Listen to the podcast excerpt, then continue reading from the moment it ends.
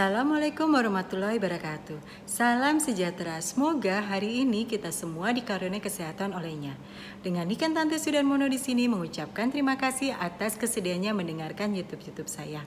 Kali ini saya akan membahas mengenai lemak pada tubuh.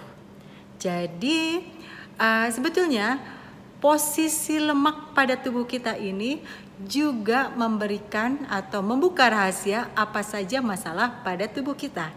Yang pertama-tama adalah lemak yang ada di tubuh bagian atas. Bisa terlihat mulai dari biasanya dagu berlipat, lalu belakang leher ada kayak punuknya atau ada kayak tumbunan lemaknya, lalu ya sudah pasti seluruh tubuh berlemak, itu adalah tanda-tanda dari kebanyakan makan dan mengkonsumsi makanan karbo atau gula. Nah, ini adalah tanda-tanda yang sudah terlangsung terlihat hati-hati karena ini bisa menuju kepada diabetes tipe 2. Lalu yang berikutnya adalah lemak di bagian perut. Ya, lemak di bagian perut ini biasanya dikarenakan stres, depresi, dan anxiety. Jadi perbaikilah bagian stres, uh, depresi, dan anxiety-nya. Ingat, uh, stres, depresi, dan anxiety ini sangat berhubungan dengan pola makan. Jadi perbaikilah pola makannya agar tidak menjadi penumpukan uh, lemak di perut ini. Lalu yang berikutnya adalah penumpukan lagi, tapi lebih banyak juga penumpukan di punggung bagian belakang, tapi di bagian agak atas ya, jadi agak berpunuk di punggung sininya.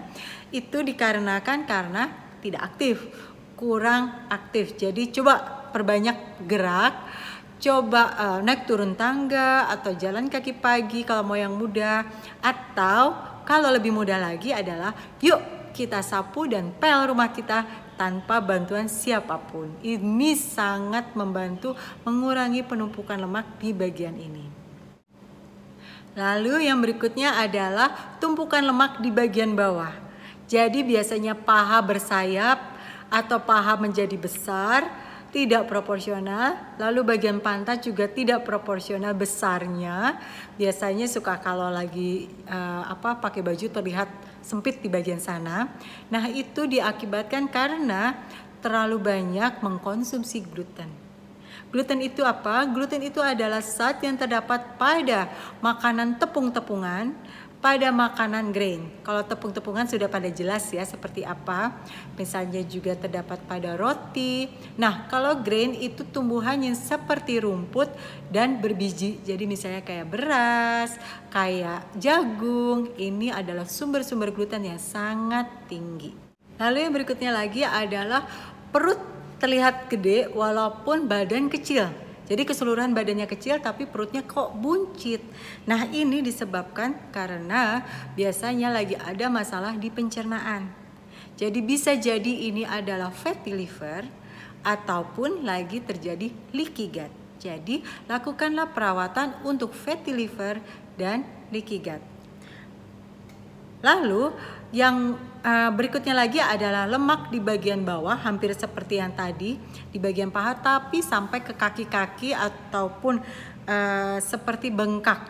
Ini biasanya terjadi pada ibu-ibu yang lagi hamil atau yang lagi ada masalah dengan hormonal. Nah, sekarang kita sudah tahu ya masalah apa saja pada badan kita yang dapat kita perbaiki agar mencegah penumpukan lemak-lemak ini. Ingat, sel lemak tidak bisa dibuang. Jadi jangan sampai sel lemak ini membesar yang mengakibatkan kita kesulitan menghilangkan lemak-lemak atau tumpukan lemak pada tubuh kita. Terima kasih sudah berkenan mendengarkan. Assalamualaikum warahmatullahi wabarakatuh.